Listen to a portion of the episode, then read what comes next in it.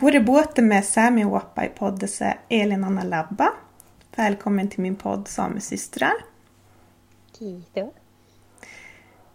Du är journalist och författare och så har du skrivit den här boken Herrarna satte oss hit för drygt ett år sedan. Och du har vunnit Augustpriset för den boken. Så först och främst grattis till det. Ja, helt galet. Helt galet. Um, för mig så känns det som att hela Sápmi och hela, jag höll på att säga hela världen, vet vem du är och vilken bok vi pratar om. Ehm, men jag är ju mer nyfiken på dig som författare och processen med att skriva boken och hur, hur det har varit för dig. Men innan vi går in på det så får du jättegärna presentera dig och berätta vad det är för bok vi pratar om. Ja, eh, på den samiska boken, för den har ju kommit ut på nordsamiska också, så, så står det Jan Augusto och Elin Anna. Så det står både mitt samiska namn och mitt svenska namn. Så jag är alltså Jan Augusto och Elin Anna ehm, och jag eh, bor i Jokkmokk sedan eh, tio år tillbaka ungefär. Jag flyttade hit, eh, nej det är mer, jag flyttade hit när jag blev gravid så att, och min son fyllde 11. det är länge sedan. Men jag är uppvuxen i Kiruna.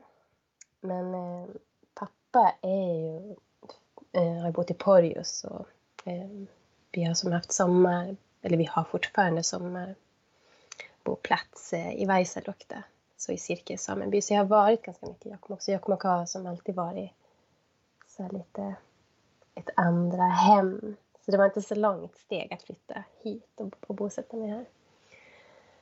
Um, journalist egentligen och uh, mamma till tre barn. Sambo till en renskötande man. Ja, ungefär så. Mm. Och boken du har skrivit? Ja, det var det du frågade. Ehm, den ja.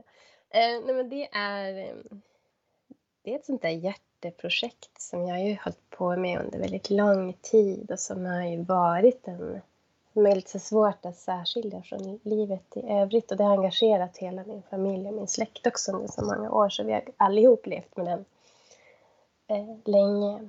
Och eh, det har ju varit en på många sätt ganska magisk process att umgås med äldre samer under många, många år. Och intervjua dem många gånger. Har jag intervjuat dem flera gånger, och så umgåtts med dem under flera års tid. Mm. Inte så att det är intensivt under flera år, men att jag har återkommit till samma personer under lång tid. Um, och då också ju lärt känna dem um, och kommit nära de här gamla. Så det är ju deras bok, tänker jag på. Mycket deras bok. Um, där jag har varit den som har satt ihop det. Men det är deras berättelser som handlar om tvångsförflyttningar. Och som är min egen familjehistoria och min, min mans och mina vänners och mina gudbarns. det är ju en historia som vi har i Sápmi, så många. Så um, det är en historia som man tyvärr delar med många också. Mm. Men när började du? Och, och vad, vad var det egentligen som fick dig att, att tänka att nej, men det här blir en bok, eller jag ska göra, eller hur, hur gick de tankarna? Jag har nog velat skriva en journalistisk bok ganska länge. Jag har ju pluggat till journalist och när man läser på den journalisthögskolan då får man ett sånt um, kompendium med böcker man kan läsa som inspirationslitteratur. Så jag har läst jättemycket sån reportagelitteratur och den typen av böcker och så har drömt om att tänk om jag någon dag skulle kunna skriva en bok så ganska länge. Men sen...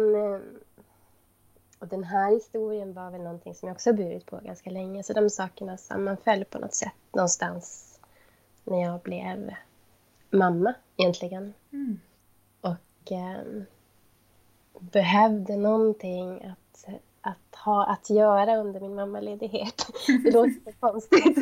Man är ju mammaledig. Men att jag, jag ville ha någonting som, jag, som var som mitt eget mm. när jag var ledig med barnen och som jag kunde så ha liksom något läsa. Så jag läste ganska mycket böcker och började liksom leta runt lite grann då. Så det började egentligen så, ganska sådär trevande. Mm. Och sen växte det. växte. det tog längre och längre tid och till slut så, ja. För det har varit en ganska lång process, om jag förstått det rätt. Det har ju det. Och i och med att jag, som ju så många, så kan man ju inte leva på att skriva. Det är svårt. Mm. Ehm, så att jag har jobbat med annat hela tiden och haft det som, som sånt där lite hobbyprojekt som jag har gjort när jag har kunnat. Och ibland har jag tagit ledigt för att åka iväg någonstans och sådär. Och på somrarna när, under lov och sådär så har vi varit iväg till de olika boplatserna. Så det har mm. varit sådär jag har gjort det när jag har haft tid att göra det. Mm. Så. Men sen fick jag ett arbetsstipendium från Samerådet för att skriva. Och det var ju det som gjorde skillnad, som gjorde att jag kunde sätta mig ner och göra klart det. Så det var ju verkligen en sån, en sån skänk från ovan att få mm. möjlighet att börja under en tid. Och då blev det ju en bok till slut. Mm. Utan det vet jag inte. Hade jag kanske fortfarande suttit och, och plitat. Man vet inte. Ja. Nej, alltså det är klart jag tänkte på det när jag frågade om det har varit en lång process men jag tänker mig att det eftersom jag är helt oinsatt inom eh, skri, skri, den världen så, att, så tänker jag att det, för mig kanske det låter som en lång process men det kanske det tar tid att få fram en, en bok tänker jag också. Det tar det nog alltid. Men i det här fallet var det också så mycket som jag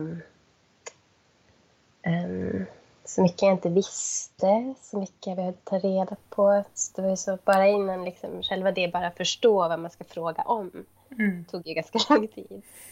Och sen var det ganska fint också att det fick ta den tid det tog att eh, kunna komma tillbaka till folk och fråga på nytt och att låta det ta tid också. Eh, tänker jag så här i efterhand, det var kanske inte något medvetet då när jag gjorde det. Då var det nog mycket bara för att få livet att funka med småbarn och så, att det tog tid. Mm. Men det var kanske bra också för boken och för, um, för intervjuerna och för mötet att det fick ta tid också. Mm. Att det fanns någon...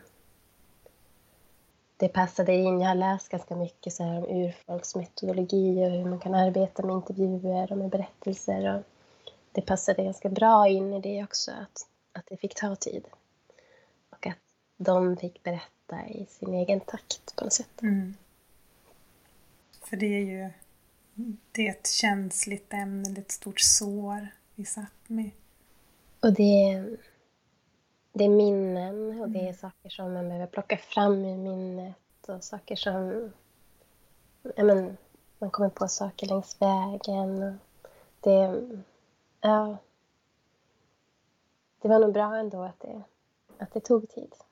Tänker jag. Nu, även om det då kanske kändes frustrerande att aldrig bli klar med det. Mm. Mm. Men har du en helt annan fråga. Visste du när du var barn att nej men det är författare eller journalist eller det är det jag vill hålla på med? När kom det intresset? Ja, men journalist har jag nog faktiskt alltid nästan alltid vetat att jag har velat bli. Men jag har nog alltid tänkt... Eh, jag tänker att man är ganska duktig på att sätta upp gränser för sig själv och vad man kan göra. Jag har alltid sett på mig själv att det var som journalist, det var det jag skulle göra. Det var det jag kunde göra. Så pappa var journalist och jag, liksom, jag var, haft, var i min barndom på de, på de här samiska redaktionerna. Just det. Så jag var liten så jag som haft det sådär nära till hands och sett det. Så det var väl ganska så, ganska så klassiskt att man ser vad ens föräldrar gör och sen så, så vill man göra samma. Men, eh, men jag har alltid tyckt om att skriva så att det var ganska, och det har jag egentligen alltid gjort, läst och skrivit mycket. Um, och, så att jag blev ju ganska snart, eller började på radio men jag gick över till skrivande ganska snart och hittade som att det var mitt sätt. Men jag har aldrig tänkt på mig själv som författare. Det hade jag egentligen kanske inte, det har jag inte tänkt på heller. Det är ju som först nu, jag kan mm. säga. Och det känns fortfarande lite ovant, men, men jag är ju det nu. Och jag märker ju att det är en helt annan typ av uppdrag också. Jag skriver inte alls samma sak. Och folk, alla uppdrag jag får nu är sådana litterära, mm. alltså mera som författare, vilket är helt fantastiskt. Men jag har aldrig någonsin tänkt att det skulle vara jag. Eller att att jag ens skulle kunna skriva den typen av texter. Så ja, Så det är väldigt nytt, men det känns som att jag verkligen befinner mig på en plats som jag vill vara på utan att ha vetat att jag, vill, att jag ville komma dit. Mm, vad häftigt. Ja. Ja. Men går det liksom att ta in allt? För att jag ser ditt namn överallt, känns det som. Eh, Du har mycket föredrag, föreläsningar, allt möjligt. Eh, Det här året måste ju ha varit helt... Ja, hur har det varit? Nej, men det har varit som att... Eh, nej, jag tror inte att jag har tagit in det. Det känns som att jag har bott i någon slags torktumlare de sista månaderna. Nu börjar det väl lite mer att det, stillar sig. Mm. För det var ju mycket... Först bara att boken kom ut och sen, sen kom ju hela den här pandemin och la sig som en, Ja, en filt över allting. Det gjorde ju att det blev så lite att det blev så lugnt. Men sen drogs det ju som igång med hela den här Augustprisnomineringen och galan. Och, och efter det har det ju som inte stillnat utan då har det bara fortsatt dimpa in förfrågningar. Och, men eh, det har ju varit så väldigt fint också det som händer. För det, det, är som är, det kommer ju mycket så brev och folk som läser och mejl och små sms och så. Det är väldigt så... um, Jag ägnar ganska mycket tid bara åt att ta kontakt med folk som har läst och som, som har berörda på något sätt eller Mm. har släppt eller så. Så det har ju varit väldigt känslosamt på många sätt. Men eh, ja, nej, det, har, det har verkligen... Väldigt långt från hur boken började, men så är det kanske. Att man... Eh, ja, jag hade inte... Det var, jag, var ju glad, jag kommer ihåg att vi pratade om det med min, eh, med min man. Eller vi, vi är inte gifta, men det, jag inte säga att det är min man. Eh, och han var så här, ja men vem, alltså tvångsförflyttningar, det är ingen som kommer vilja läsa om det, tyckte han. vi brukar prata om det ibland. Så här. Att, så här, för för jag håller på med ett nytt bokprojekt nu, så jag kanske inte ska fråga dig. Han bara, nej, det kanske är ingen idé att du gör det. För det var, så tänkte vi nog det själv också.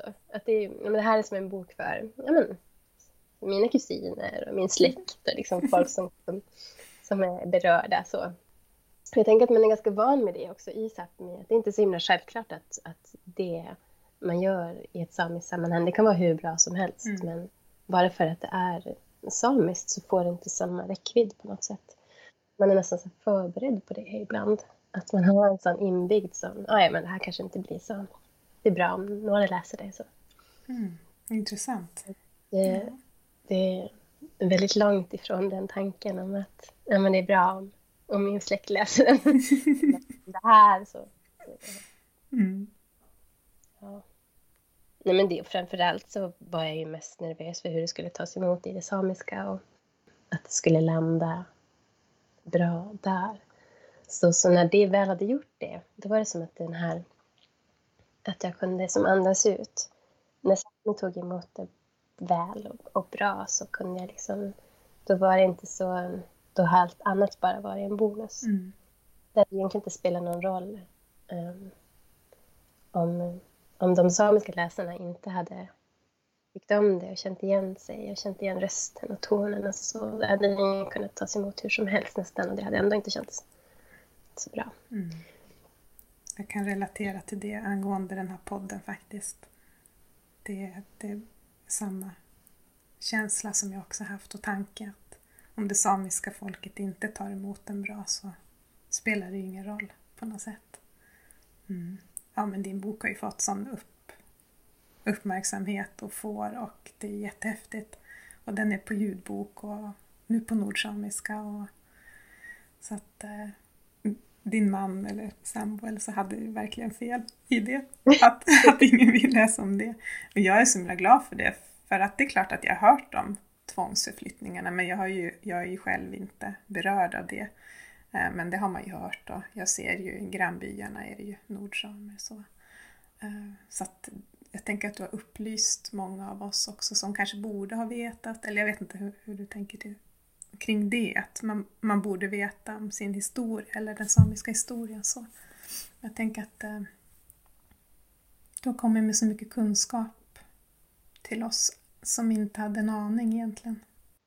Det jag hoppas, eh, som jag själv kände, när jag började så kände jag väldigt mycket att det var, jag fick höra det ganska mycket också när jag intervjuade, att, att nej men det är för sent, du borde, det här borde man ha gjort för länge sedan, att det fanns den här liksom en, en tanke om att det, det inte gick att berätta något mer. Att tåget har gått redan, att vi kan, det här, det här gör ont men, men vi borde ha, de finns inte kvar, de som kan berätta. Och att jag också hade det där lite grann att ja, men det kanske inte kommer gå att göra det här. Och det är kanske den stora upptäckten, eller ska man säga, den stora känslan i det, att man kan återupprätta saker som man tror att man har tappat. Mm. Och som man tror har gått förlorat. Och det gäller ganska mycket i Sápmi. Det gäller många delar av vår historia. Att det går att ta tillbaka den. Och det går att fylla i de här hålen. Och det går att bygga upp sig själv. Och att det inte någonstans är för sent. Mm. Tänker jag. Om väldigt mycket. Så om språk och om historia och om alla andra delar som vi också har oberättade. Men det är klart att det är, att det är bråttom att hinna få de där berättelserna. Den stressen kan jag känna. Att eh, det går inte att stanna upp utan man, man får bara fortsätta. Mm. Nästan de som finns kan berätta. Men att det är möjligt. Men eh, jag vet att du har sagt vid ett tillfälle, sa du det eller har jag läst det? Men, um, men det här att, att det har varit uh, livsomvälvande för dig att göra det här. På vilket sätt vill du berätta om det? Det är jag också glad för det här med tiden, att det har tagit tid. Att under alla de här åren så har jag ju träffat eh, alltså de allra mest fantastiska personer. Alltså jag, det har bara varit en så stor gåva att få vara med de här människorna som har levt ett helt annat liv, så långt ifrån mitt eget liv. Så nära på så många sätt ändå, för att man har ju hört om det, men ändå eh, med en helt annan relation till till jojk och till, till mark och till, till ett helt annat språk än det, det jag har. Um, så bara det. Och sen är de ju, ofta har de ju alltså helt magiska berättare, oerhört sådana poeter. Jag fick ett helt annat språk. Alltså när jag, jag skrev på ett helt annat sätt. Eh, på ett väldigt typiskt journalistiskt sätt. Eh, innan har jag alltid tyckt om att skriva men jag märkte liksom under vägen att, att hela mitt sätt att skriva på förändrades. Och boken är skriven på ett sätt som jag aldrig har skrivit tidigare. På ett mycket mer konstnärligt sätt som ju är en gåva från de här personerna jag har varit med, alltså rakt av. Mm. Så det går ju inte att... Jag vet inte hur man ska tacka. hur, man, hur tackar man för det? Liksom, hur, det är så mycket... Eh, alla de här berättelserna jag har fått och all den kunskapen. Det går som inte att, att ge tillbaka. Det känns som att jag får ägna ett helt liv nu åt att, åt, åt liksom ge tillbaka det jag har fått. Att det är så mycket gåvor. Ja, men det har verkligen varit omvälvande. Um, ja, men det låter kanske lite klyschigt, men det känns som att jag inte... Jag kan liksom inte ens jämföra den person jag var innan jag började och den person som, som kom ut på andra sidan. För att det är en, jag har ju bara umgåtts med 80-90-åringar de sista åtta åren. Wow. Och det gör ju någonting med en. Det, att så, så många personer så aktivt jobbar med någonting och dyka ner i någonting. Och de har ju berättat om kanske 10% tvångsförflyttningar och 90% om sitt liv mm. och hur de har levt. Pojkvänner och flickvänner. Och ja, men, Små, mm. alltså sådana saker, vardagsliv som...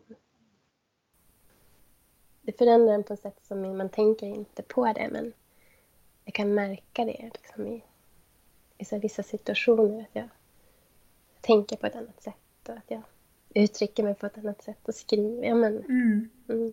men kan det vara lite sådär att jag lever mig bara in i din situation här eh, och jag tänker att jag själv hade kanske känt så här, men oh, ska jag leva i den här världen med folk som är på det här sättet? Jag, vill, jag hade velat levat då. Eller lite så här, den här mentaliteten och sättet de berättar och, och hur det var då och sådär. Att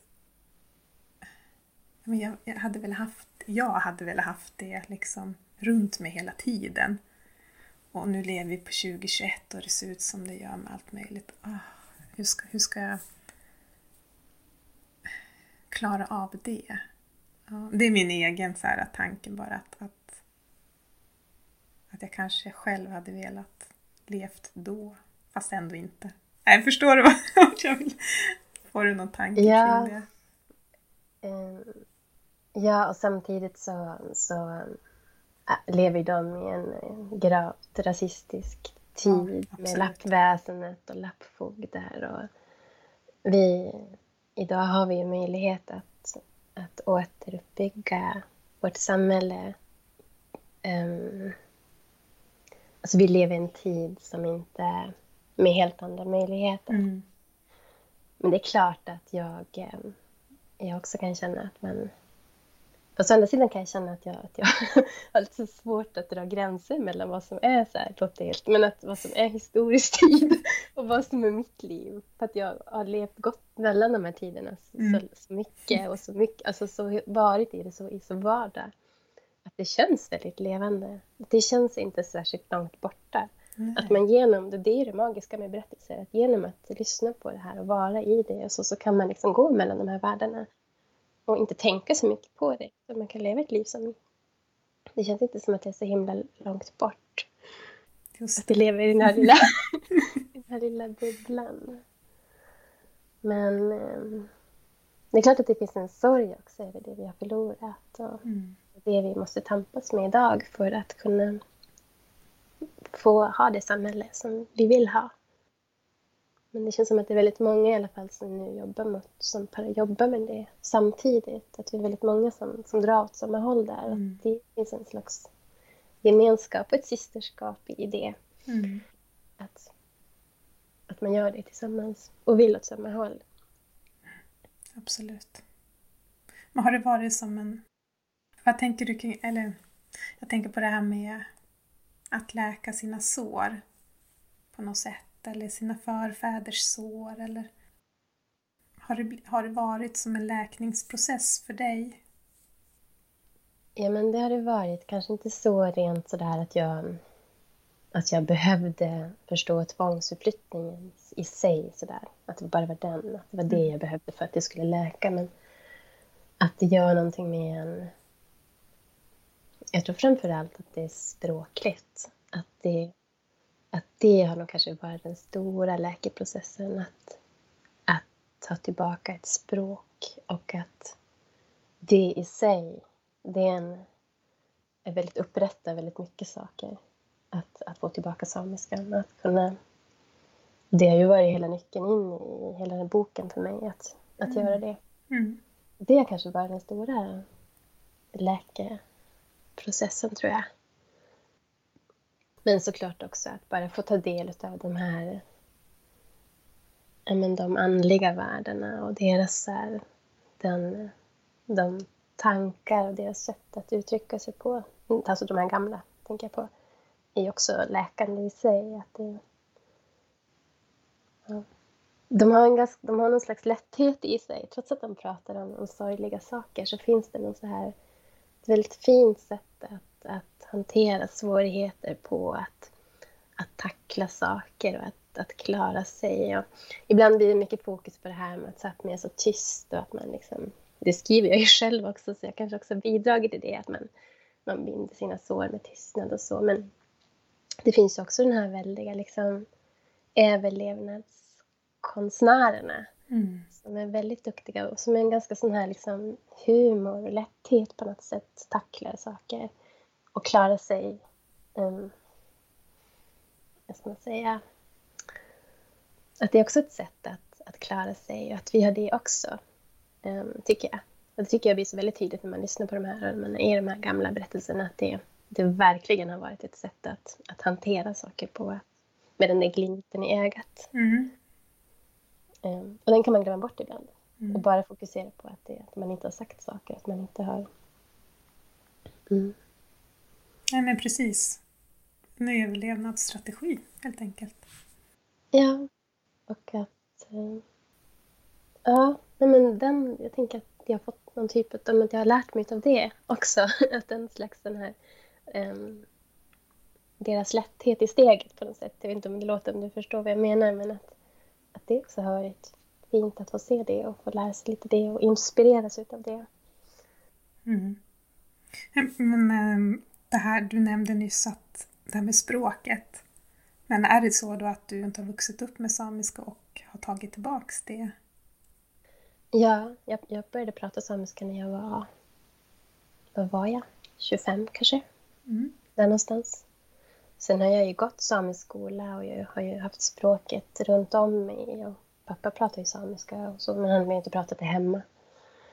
Men eh, jag tog ett aktivt val att jag skulle börja prata. Och sen, sen dess har jag inte backat från det valet.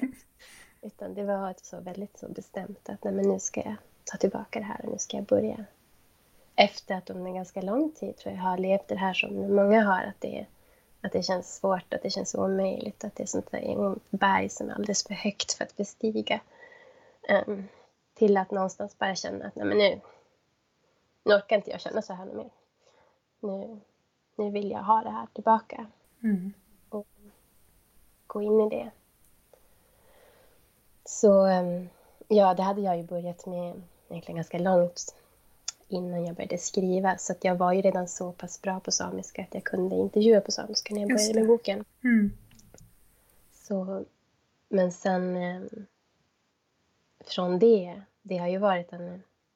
Det var ju inte så där medvetet att jag ska jobba med det här för att jag ska bli bättre på språket.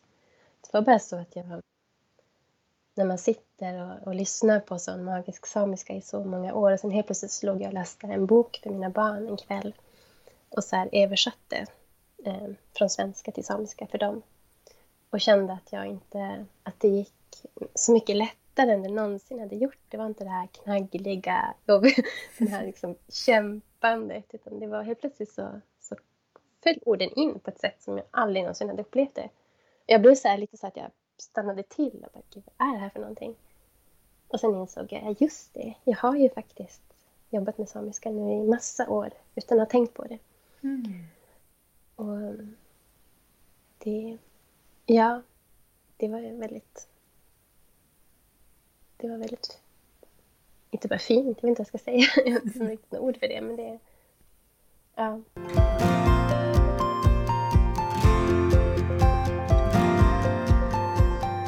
Alltså, jag fick en tanke så här när jag förberedde mig lite inför vårt samtal. Så tänkte jag så här, men vad hade hänt om du inte hade skrivit den här boken?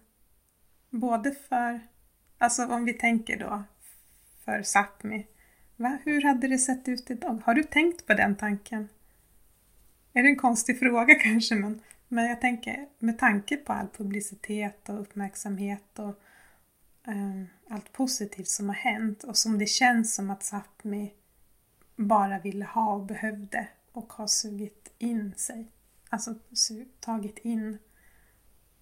Går det ens att plocka bort, så här, plocka bort allting? Hur hade det varit då? Jag tänker att det är, att det är en del av mycket som händer just nu. Mm. Och att det här är som en att det är en liten del av någonting och att det så har det egentligen känts under hela den här skrivprocessen att det är som en kollektiv mm. resa på ett sätt som man delar med väldigt många och att alla vi bär på olika delar och fogar in de här små pusselbitarna på olika sätt. Att en del jobbar med samisk hälsa och andra med juridik och rättsprocesser och vi har andra som... Alltså man, vi vi har tagit liksom en liten del av den här ryggsäcken och plockat upp de delar som vi känner att vi kan bära, orkar bära och vill bära. Och, sen, och att man gör det tillsammans, det, så tänker jag på boken ganska mycket. Mm. Och så var det att jobba med den också. Det var ju, den gick ju att skriva för att folk ville dela med sig av sin jag har spelat in min faster, vill du använda Du kan få använda den intervjun. Eller jag har här jag har hittat den här intervjun eller här är mitt forskningsprojekt som jag har gjort som mm. jag inte orkar göra någonting av. Vill du ha det? Mm. typ så jag bara, gud ja, såklart. Så. Ja. Och den, den bygger ju på så många sådana. Mm. Um, hade jag stått där själv och ska försöka, som inte är historiker, försöka rota i arkiven och så hade jag ju fastnat på en gång. Och det känns som att det på något sätt är eh, så väldigt, väldigt samiskt. Om man nu ska sätta sådana etiketter. Men att det på något sätt kändes som att det var eh, ja, men ett gemensamt återtagande på så väldigt många sätt. Och att det var många som, som ville att, att det skulle berättas och därför så gick det att berätta. Och i den icke-samiska världen, hur, hur har det tagits emot där? Förutom, vi vet ju att det fått ett stort pris och sådana där saker, men, men ändå. Hur har det varit? Eller hur är det? Det pågår ju fortfarande. Det... Um, nej men jag har väl egentligen varit förvånad över att det, att det har tagits emot på det sättet. Att det har, att det har gått in där också. Och att det har... Um, um, men det är väl kanske, tänker jag, för att det ligger, för att boken ligger så nära de här människornas sätt att berätta på. Att jag, det var viktigt att, att berättelsen skulle ligga liksom så kloss i kloss som det bara gick med deras sätt att säga saker på. Jag har många gånger suttit och funderat på så ord. Oh, kan jag ha det här ordet? Skulle de...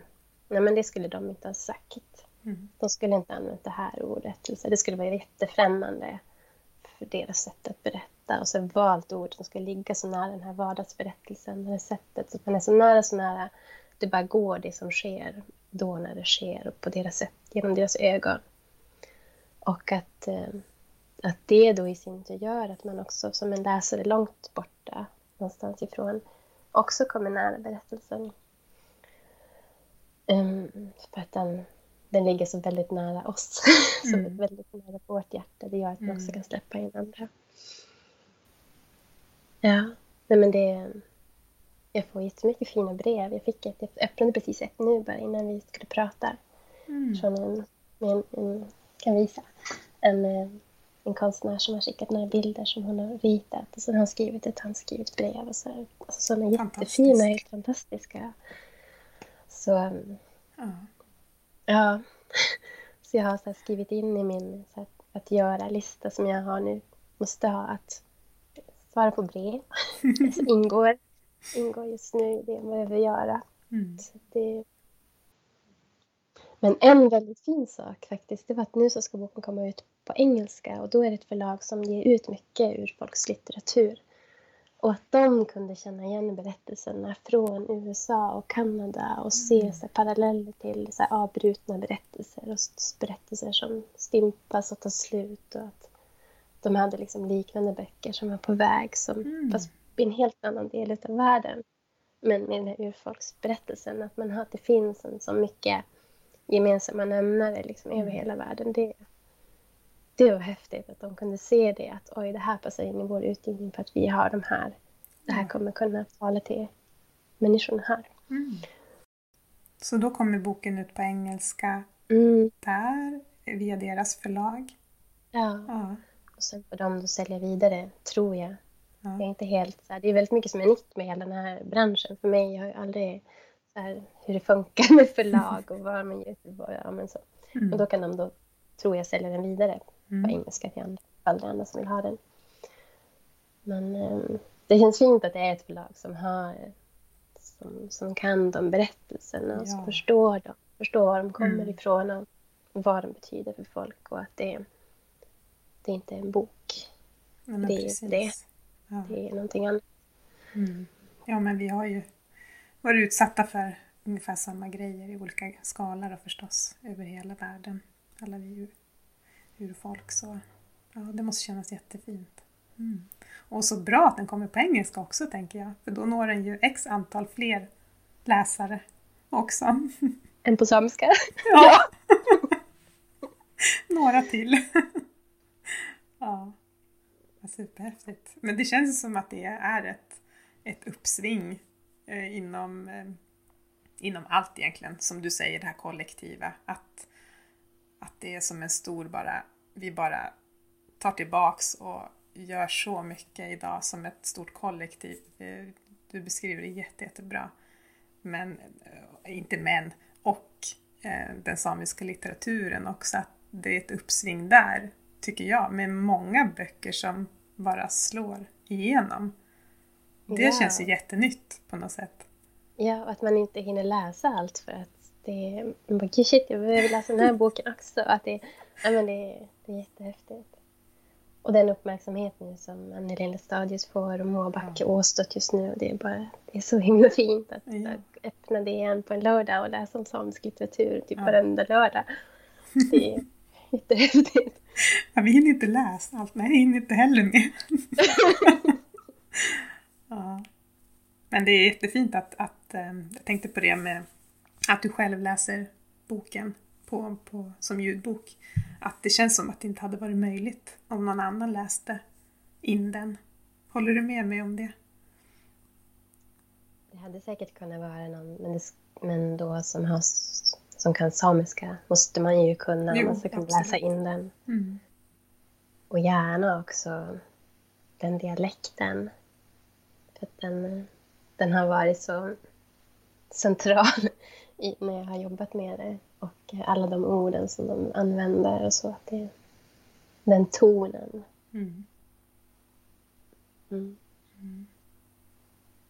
Ja, jag tycker i alla fall att ljudboken är superhärlig att lyssna på. Det, det är något extra när faktiskt författaren läser sin egen bok. De böckerna slår lite högre, enligt min uppfattning i alla fall. Och jag vet att det finns eh, någon som har lyssnat, som bara ville lyssna på din bok om och om igen. Och som har lyssnat på den så många gånger. Allvarligt? Mm. Wow. Oj, jag var så... Det, jag var så nervös för att läsa in den. Det var mycket värre än att ge ut boken. Att läsa in den. För det var, kändes som att det här är så djupt vatten. Jag var först var jag nog lite chockad över att de ens frågade, för jag hade inte ens tänkt tanken att jag skulle läsa in en ljudbok. Och sen var jag så nervös, jag skulle läsa in den i, i januari för ett år sedan. Innan boken skulle, ja men precis innan, så den skulle komma samtidigt som den tryckte boken. Mm. Och från typ julafton till mitten på januari så var jag så här, så, du vet när man går är en föreläsning eller någonting, fast det är mm. veckor, det släppte inte. jag var helt livrädd. Och så vi fick, jag faktiskt läst in den början på nytt för att jag var så himla nervös när jag läste in den. Så att, jag, så att, jag så stam, alltså att munnen blev helt torr. Vatten och te och gud. Så det är så fint att höra att folk har tyckt om den. För det kändes som att jag höll på dö när jag gjorde det. eh, och då var det så mäktigt att, för då, att sitta i den här studion i Stockholm och vara så rädd för någonting. Och då kom de här små samiska orden i texten som såna små öar som jag kunde så här, lite så här andas ut på. Det var en sån konstig känsla för det har ju varit samiska för mig förut var precis tvärtom. När de här samiska orden kom då blev jag ju helt... Då blev jag ju först paralyserad när det var ett samiskt ord. Och nu är det som att de kunde jag liksom vila i och hitta som hem. Det var någon slags trygghet i den här ja, studiomiljön på Gärdet. Och som att man insåg att, att um, ja, men vad språket har blivit för mig och, och vad mycket som har hänt under de här åren. Mm. Men jag, satt, jag drömmer om att få läsa in den på samiska, men um, um, någon gång. Mm. Det är fint att få göra det och få jobba lite mer med att förbereda sig inför det och jobba med uttal ännu mer och se mm. sitt sätt att hela tiden så utmana sig själv språkligt. Det jag tänker att jag skulle vilja göra någon gång.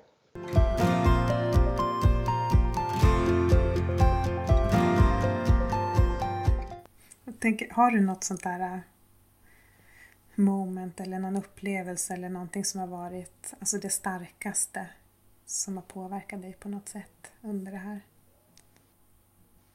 Med boken eller privat? Som du själv vill berätta? Det har ju varit, det är kanske inte, inte ett tillfälle utan, utan flera. Att eh, de personer som jag har träffat och har skrivit om att de har gått bort och att de har börjat gå bort. Och att eh, det har hänt så många gånger nu i och med att de var så gamla när jag började redan. Så en del hann jag ju inte, vi hann liksom aldrig avsluta egentligen innan de blev sjuka och gick bort.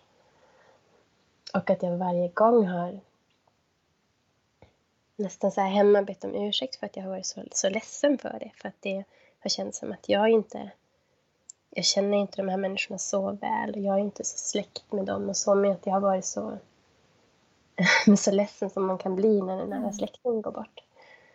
Och att det, de har kommit så, så känslomässigt väldigt nära så att det känns som att det har blivit min egen ack och min egen adja ibland för att man har delat den här historien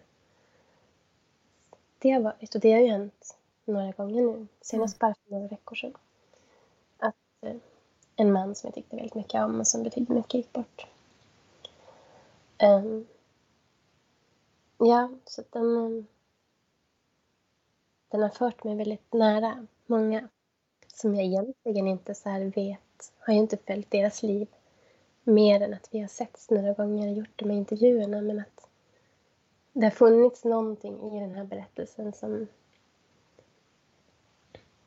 som jag delat så himla mycket så att man kommer varandra så extremt nära. Så som man kan göra när man delar någon, någon, någon händelse mm. eller någon, någon, erfarenhet med någon annan. Mm. Mm. Fint. Och, och, och jag tänker också det där att, att de har släppt in dig. Bara det också. Så otroligt vackert och fint. Mm. Ja, nej men det är ju det är ju det mest, eh, om man ska säga någonting med att vara journalist så bara hela liksom, jag tycker om hela den grundidén att man får vara man får arbeta, det är ens arbete att vara nyfiken och få bara åka hem till folk och dricka kaffe och fråga dem om deras liv, bara den delen. Eller som du gör nu, liksom ringa upp folk och så här, prata med dem om, om, om livet. och bara känna att varje gång så, så kommer man ut som en annan person, att man varje mm. gång så, här, så blir man några centimeter högre för att mm. man har mm. träffat de här människorna. Att få göra det liksom, och arbeta med det och sen då dessutom då med, med den här de här människorna som är som där berättare, att de ju alla borde vara de borde mm. alla vara i någon sån här slags berättarnas Hall of Fame någonstans. mm. för att de är så, såna konstnärer. Mm. Och eh, vi pratar ibland om samisk litteratur som att det inte ska finnas, att det, det finns så lite böcker, att det finns så lite. Sen har vi alla de här. Mm. Det är ju litteratur, det är ju vår. Så den skatten. Mm. Ja. Fint. Mm. Ja. ja. Jag har blivit väldigt berörd och äh, gråter när jag hör boken. Jag har hört den två gånger. Och ja, eh, Det berör jättemycket även om det inte är... Det ligger ju inte mig nära så, men, men just den där eh, kombinationen av, som du säger, glimten i ögat. Och de gör det de ska men att det finns en sorg där och, och de tystnar och jojk, jojken försvinner och sådana grejer.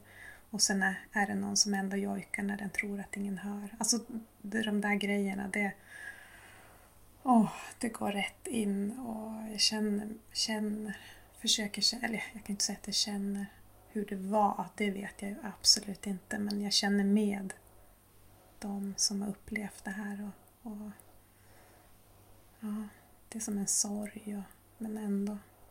Nej, men jag tänker att det är, det är ju vår stor, stora utmaning i Sápmi att eh, börja dela.